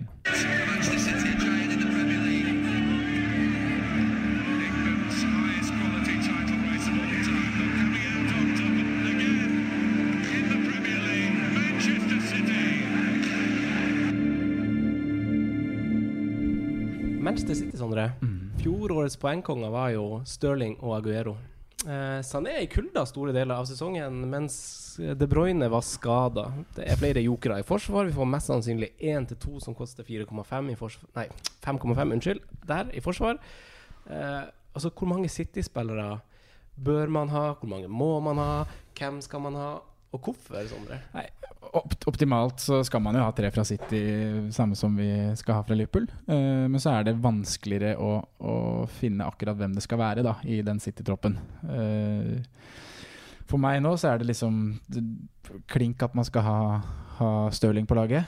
Uh, og så da har det vært, som du sier, mye spekulasjoner nå i sommer på den defensive plassen. For han vil jo gjerne komme inn defensivt der. Mm. Laporte, 6-5, det tryggeste valget å gå for. Kommer til å spille alt. Spille stopper, kan også spille venstreback. Det er en mann som kommer til å spille de fleste minutter. Uh, nummer to på minutter der er jo Kyle Walker, som det ser ut akkurat nå. 0-5 billigere enn uh, Laporte. Eh, ikke fått henta den høyrebekken de har vært linka så mye til da i sommer. Så enn så lenge så er det også et veldig sikkert kort med tanke på spilletid. Ja, Under, underprestert litt på ja. det offensive, som vi har vært inne på. Ja, relativt gode tall. Ja. Jeg tror hvis de to, Laporte og Walker, spiller like mye denne sesongen her, Så er Walker der oppe. er over- Ja, over for det var jo også ved nevnt i tidligere episoder at de assistene som Laporte hadde i fjor, det var tilfeldige greier. Ja. Men Walker hadde egentlig en ganske mm, dårlig sesong kontra hva, i forhold til hva laget faktisk presterte i fjor. Da. Han underpresterte ganske greit. Og han har relativt masse touch i boks òg, så han er liksom i de riktige sonene. Det bare mangler litt uh, på enten involvering eller på utføring fra hans side. Så, Altså, Han er jo ikke en elegant høyrebekk, som han- Altså, han er jo ikke en Daniel Wes i, i, i prime, men, eh, men han har jo et potensial med på at laget er så offensivt, og at han kommer til å være i posisjonene, som du sier. da Ja. Så jeg, jeg tror Walker sine målpoeng, så lenge hvis han spiller fast, altså de ikke signerer en ny høyreback, så, så kommer målpengene hans til å doble seg ganske godt. Sk- skal jo nevnes at jeg har Danilo i bakhånd, da, som kan bekle begge bekker. Nei, Men, eh, nei, men uh, hvis vi skal være redd for rotasjonskjør, som vi alltid han, er er- i han City, er så er han, han er det sorte der. får Ja. i den gjengen han Ja. spiller. Han skal skyte fra 30 meter og bare ødelegge Men hvis vi tar videre på forsvar, da, så er det den stoppeplassen som de også sårt ønsker å hente inn nå. Og har blitt linka til Gud og hvermann egentlig gjennom hele sommeren.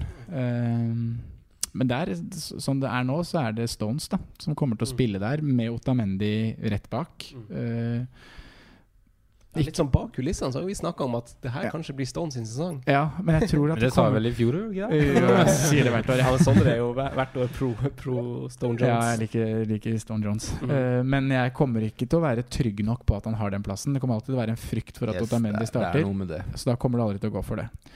Og så har du det som kanskje er det heiteste navnet i Forsvaret der, på, i hvert fall på Twitter og våre små, eller lille, vårt lille FPL-miljø, og det er Shinchenko. FM, FM blir veldig Ja. FM her nå.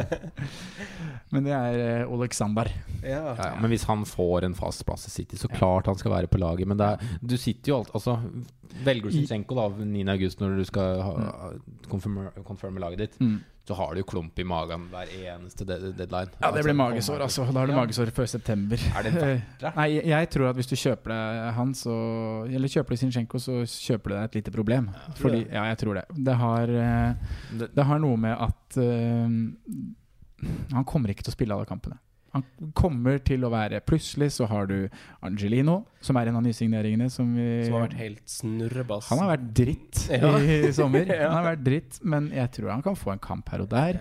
Du har uh, en Mendy som lurer i kulissene, og vi kan bare spekulere i hva det er mellom Mendy og Pep. Noe er det, men han, han er fortsatt City-spiller, og plutselig så kommer han inn og kjører noe Shark-opplegg på sida der. Og så har du Laporte, som kan spille venstreback Mm. av og til. Hvis det skal bli noen tøffere kamper borte, kanskje, hvor han skal ha litt tryggere på venstresida. skal du fort se en trebekslinje òg, med Sané som venstre Det kan du wingback. eh, Og så er det Danilo. Dani- Danilo. Danilo har du òg ja, trollet der, så. Så Shinchenko er uh, superfristende. Eneste Han spilte masse i år. Ja, han hadde ni av ti siste kamper, han, men da var ikke alternativene til Peps og veldig mange andre. Du hadde Delf, som var litt sånn hæ? Og så, Ja, for jeg syns han er litt spennende. Jeg, jeg Ja. liker egentlig tanken av ja, selvfølgelig liker man tanken, man har kjempelyst til å ha han der, Jeg men bare- jeg tror bare at det kan bli trøbbel i løpet av tre, fire, fem, Ja, jeg, jeg tror ikke det er verdt med magesmerter, hodepine og sånne ting. Da. Jeg, Men så er altså, det jo de første kampene. Altså da Det er ikke noen midtukerunder i starten. Det er ikke noe kvalik for Champions League. Det, altså, det er én kamp i uka for City der. Altså, Ja hvorfor skal han rullere på venstrebacken? Eh, Det er ingen- Nei, kan hende det grunn altså. overtenkes. Jeg tror det er hans plass til å miste Altså, på, altså Han har signert ny kontrakt. Jeg tror han kommer til å spille fram til han skulle spille dårlig, holdt jeg på å si. Eller eh, ja. Det er jo bare spekulasjoner fra min side. Kanskje jeg snakka han for mye opp nå. Jeg er litt naiv, vet ikke. Men, en, men plutselig kommer det inn en stopper der da som gjør det enklere å skyve Laporte ut på bekk hjemme mot Tottenham f.eks. Eller at de, som du sier, trebekslinje hjemme mot Tottenham. Det er eh, En eh, det tryggeste altså Som, som Kepa og Alison så er det ikke masse redninger på Ederson, men du får kanskje en assist eller to Ja, i løpet av sesongen. minst. Ja. Men eh, altså, det er jo den, åpenbart den tryggeste veien, og da har du Ja. en keeper til seks som går rett inn. hoppa rett over han da jeg begynte på forsvar. Men som du sier, det tryggeste Bruker 12 millioner, da, eller 12,5 på Mm. Ederson og Laporte, så har du to sikre kort i de Mm. bakre rekker. Men eh, jeg har prøvd eh, Det første draftet jeg gjorde, var med Ederson på laget. Mm. Men så endte det med at de Jeg vil spare de pengene Mm. bak der og heller gå for en 4-5 keeper. Hvem tror vi ender med flest clean sheets i år? Man sitter jo i Liverpool. Jeg tror Liverpool. Jeg tror City. Jeg jeg er veldig skeptisk. Altså, jeg, jeg er veldig usikker. Da. Jeg tror, jeg tror fort City tar, det, tar flest clean sheets. Ja. Eh, Midtbanen, da. Altså han Neil Murray, som jeg har eh, funnet på Twitter, som jeg har kildehenvist litt til litt gjennom de her preseason-sesongene. Mm. Eh, De Bruyne han har jo en litt rikere skadehistorikk enn hva det jeg kanskje trodde. Han har ikke Altså Han, eh, han er litt, litt skada i løpet av sesongen nå, mer enn noensinne, kanskje. Eh, og det er stilt spørsmålstegn til om han kan være spiller istedenfor Stirling. Og han Neil Murray der han skriver at ja, han har vanvittig med returns, eh, som ofte er på balanse med antall kamper han spiller, men ca. 70% av dem er fempoengere. Ja. Ish. Så det er jo kanskje ikke Men det er mer stabilt. Kevin De Bruyne er ikke en eh, erstatter for Stirling. Nei. Bare sånn for å understreke Det er ikke noe Da er det i tillegg. I Det så er du? tillegg, ja. Mm. Du, du kjøper ikke Kevin De Bruyne for å dekke Stirling, Nei. for det er bare tull. Men ha, eh, ja. Eh, ok, men eh, jeg vet at du har litt på Stirling. Altså, Adam Hopcroft, en mann vi liker. Ingen har mer målinvolvering enn Stirling mellom Gameweek 20 og 38. Hm, Eh, ja. Så takk til Adam Hopcroft for den. Men jeg vet Sondre at du skal slå et slag for eh, Raheem. Nei, eller jeg, jeg mener bare at han er en dum, Det er en sånn set and forget-spiller, egentlig, fra meg i år. Eller for meg i år. Han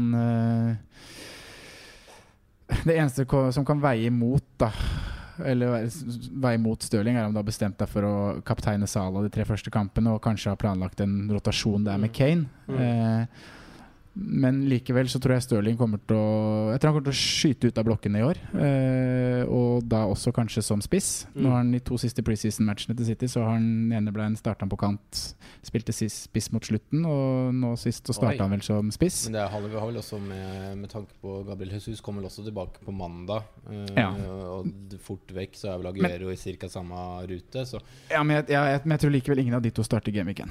Jeg tror Stirling starter Game Week 1 som, Oi. som heldigvis så får vi jo en liten preview da på det mellom, Ja. kampen mellom City og Liverpool 4. august, hvor, Mm. hvor begge Ja. lag vil vinne. For det er jo Mm. faktisk et ja, trofé på, spill. Da, så da får vi jo se litt hva de, hva de starter med. Mm.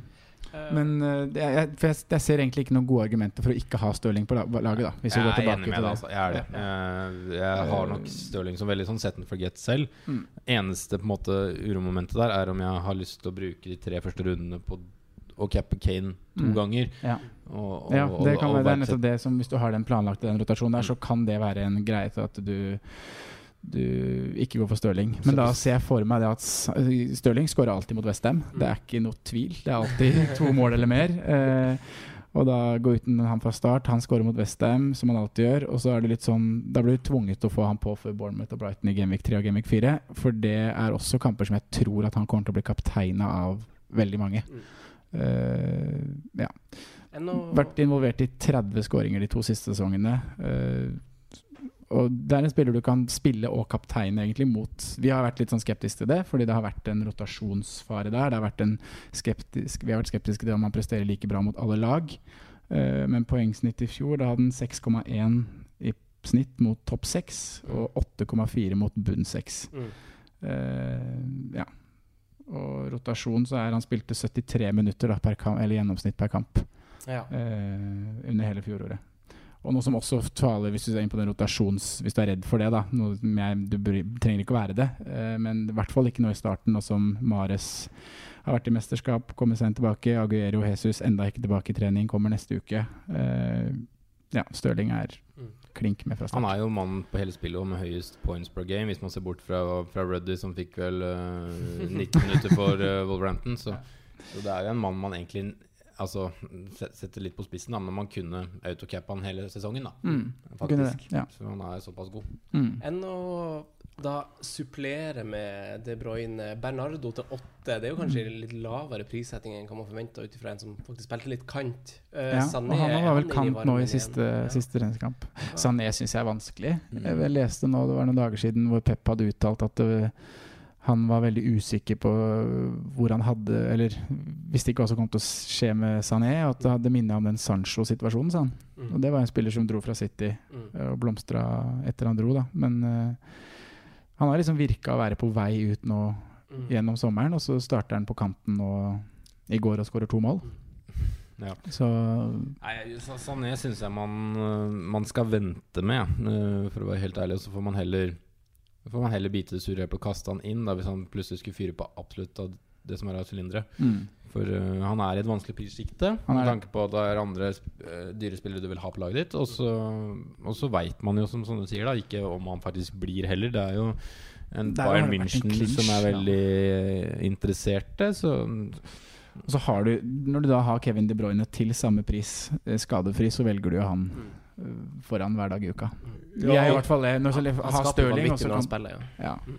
Han var den spilleren som hadde Han spilte vel bare 900 minutter i fjor, men skapte likevel tolv store sjanser da, foran spillere som spilte 3000 minutter. Ja, som vi det- snakker om som veldig gode. Det er helt bananas, faktisk, eh, hvor, hvor han presterer når han spiller. Mm. Så jeg akkurat nå så ville jeg faktisk valgt Bernardo Silva som andre offensive. Ja, hvorfor det? For jeg ville også Nei, med tanke på pri, pris, da. Mm. Og at han er eh, Mm. Han er så fast i på laget, laget, da. Ja. Altså, da har du en som spiller, og du slipper å antageligvis bytte ut Du veit at du kanskje ikke får returns hver gang, Mm. men eh, han ender jo opp på en ganske god poengsum da til, eh, til åtte blank, så Og hvis det er sånn at Aguero og Jesus ikke er med fra start, eh, som vi kanskje tror, eller som jeg kanskje tror, så kommer nok Bernardo Silva til å spille i den offensive treeren. Mm. Han spilte jo mye som indreløper i fjor. Mares er jo ikke klar. Han kommer ca. samtidig som Mané rundt Ja. 5. august, så han er jo ikke klar før Mm. et par runder uti der. Også en veldig spennende joker i år, Mm. Mares. Ja, han så veldig bra ut i hele Afrikamesterskapet. Ja. Og det er litt sånn som det var med Bernardo Silva. En litt litt eh, rolig første sesong i City, og så blomstrer han for fullt i andre sesongen. Mm. Samme hadde Marius en litt rolig første sesong i fjor. Kanskje blir det hans, hans tur i år, da. Ja, Marius har jo så ekstreme kvaliteter også. Den venstrefoten der er jo helt magisk. magisk. Eh, på topp, da. Eh, mest overprisa på spillet i mange år, kanskje, syns jeg. Gabriel Jesus. Eh, Mm. Starta åtte kamper i fjor, allikevel ti målpoeng. Eh, jeg føler han kommer til å starte mer i år. Han så pigg ut i vår, og kanskje ikke lenger den muldvarpen i det småspillet som Pep eh, er så glad i. Eh, det er jo få drap som Aguero ute. Altså helten til i hvert fall meg og deg, Sondre. Delvis Simen, kanskje. Men du har vært litt sånn Aguera ferdig. Men, Sagt det i eh, fem år, men eh, hva tenker vi om spissplass? Altså, snakkes det for lite om Aguero? Tar Jesus plassen? Altså, Ja, altså Jesus kommer til å stjele minutter, som han på en måte har gjort. Fått ny drakt, da. Eh, Men eh, han har fått ny drakt, Ja, han har ja. fått nummer ni. Ja. fått nummer ni, ja. ja han skal dyrke som nier. Nei, ehm, jeg, t- jeg tror det blir uh, Aguero som får de aller fleste minuttene der, men, men eh, ja. Det skal jo spilles flere turneringer når vi kommer lenger ut i, i kalenderåret her òg, så det. Det, er vanskelig å si. Men jeg er litt sånn som på Sondre. Jeg tror ikke begge er sharp når det er seriestart. Jeg tror fort en av de spiller, Mm. men jeg tror ingen av de er liksom i full blomst da. Så også ville jeg også venta litt. Jeg syns, tolv 12 er litt stivt da for, for Aguero. Og så Jesus som er an, antatt benk, så er det jo 9,5 bare å glemme. Men jeg syns det er feil å si at han er overprisa, Fordi at hvis det blir en skade på Aguero, så blir jo Ja, men Hadde han vært lavere, Ja. så hadde jo alle blir, måttet fått sånn den på. Rashford Ja, men det er jo sånn, det er jo sånn fake prising. Altså Se Sanchez og Sanchez og Øsil, som bare eh, hever ned i pris. Men altså, de, de, de har jo ikke prisatt han Gabriel Jesus ut ifra hva han har prestert. Da må jo at han i tilfelle han skal begynne å spille, eller Aguero blir Ja. Men det blir jo litt sånn det må bli da på Jeg noen av de tenker det er riktig, føler jeg. da Fordi selv, hvis Aguero er- blir langtidsskada Tenk han hadde rykket korsbånd og Ja, han blir skada i to og en halv måned. Og så kommer ikke City til å bli noe dårligere fordi at de med Jesus, Jesus på topp. Og da ja, syns jeg det er riktig pris, da. Mm. I hvert fall å, altså, med akkurat 9,5 han skulle kosta, det, det er ikke sikkert, men i riktig prissjikte, da. Nei, eh, Men har du to eller én Nei, to eller tre fra start hos dere? Akkurat nå En. har jeg bare én. Ja, for det er liksom Fort så står man bare der med Stirling fordi man ikke er usikker på hva som passer inn ellers. Men det, altså, jeg tror jeg tror jo blir to. Jeg tror jo som sagt City kommer til å få flest clean sheet, for jeg, synes de er, jeg tror de er det mest dominerende laget. Altså Jeg Mm. tror de kommer til å dominere så mye at motstanderne rett og slett blir slit, utslitt da og ikke klarer å angripe. Og det er jo ingen som har flere clean sheet mot topp seks-lag. Nei, ikke sant. Nei. For det er ikke Men- der de har sluppet inn. Nei. Det er jo på de Det tullekontringene og langskuddene til Towson. Men jeg, men jeg er skeptisk på, på returns på defensive spillere. Jeg tror Ja. Laporte overpresterte, eh, som vi har nevnt tidligere. eh, ja, tidligere. Eh, Jeg tror fortsatt Walker går litt opp, men jeg tror ikke han får nok eh, til å kanskje konkurrere med Digne, Trent, eh, van Dijk osv. Så, videre. så jeg er litt skeptisk på å plukke defensivt. Og så akkurat nå er det bare Stirling. Altså. Ok, men vi må begynne å runde av. Nå har vi snakka lenge. Noch einmal. Eh, så nå eh, Oppsummering. Velg Ja. dere en keeper ut fra topp seks-lagene. Sondre først. Nei, det blir Ederson, det, da. Ja, Simen. Alle som backer. Ederson her. Nei, jeg må, si, jeg må si Ederson. Ja, For det er enklere å plukke de tre utespillerne. Nei, jeg må si Ederson. Ja. Eh, forsvarsspiller, der er vi kanskje enige alle sammen. Ja, Det tror jeg. TAA. TAA. Mm. Midtbane, da? Ja, det er, det er jo. Hva skal vi si? Nei, god nummer to, da. Hvis uh, Trent er En god nummer to, ja, hvis han er bankers. Hvis han er så bankers. Ja, det, det, det blir jo Det blir jeg, jo jeg, har Roberts, jeg har Robertsen over van Dijk, egentlig, men uh, Det blir Verge. Mm. Big We. Eh, Midtbane, da? Ja. Den er også en no-brainer. Altså Der er det jo to mann. Det er jo Sala og Stirling. Vi kommer til å si, alle mann. Ja. Det er litt sånn kjedelig lag å snakke sånn sett. Det er lite Bak de så er det jo mange fine jokere, da. De Bruyne må vel nevnes, føler jeg. da Ja. Ja. Bernardo. Um, Smeller på en joker med Øzil, da. Som Mm. mm, skal, i hvert fall skal være på watchlist. da Og sånn. Sånn, ja. Ikke minst. Ja, det er nok uh, den som En, faktisk, altså Akkurat nå, Christian Eriksen. Ja. Mm. Det er ni blank, altså. Og på topp! Den er jo litt mer åpen. Ja. Den er det. For hvis jeg skulle ha valgt i dag, så ville jeg ha valgt han Aubameyang. Ja, det var Rashford. Ja, det var Mm. Terry Kane. Ja. Der er vi mer åpne. Spennende. Eh, skal vi runde av der, gutta? Vi har snakka lenge. Siste prisen, Ja. og så ses vi om noen uker. Ja, vi får bare oppfordre folk til å sende spørsmål til Gameweek 1, da, podkasten. Mm. Sånn, Ja, Håper og disse har bare spille, stille Både tema og spillere og alt som er. Kunne vi tatt en stort spørsmålsbunke. Mm. Ok, takk for at dere hørte på. Takk for at dere kom, gutta. Skal vi spille FM? Ja, Nå skal vi spille FM. Nå skal vi snu skuta med Lester. Ja da. ha det bra. Ha det bra. Ha det.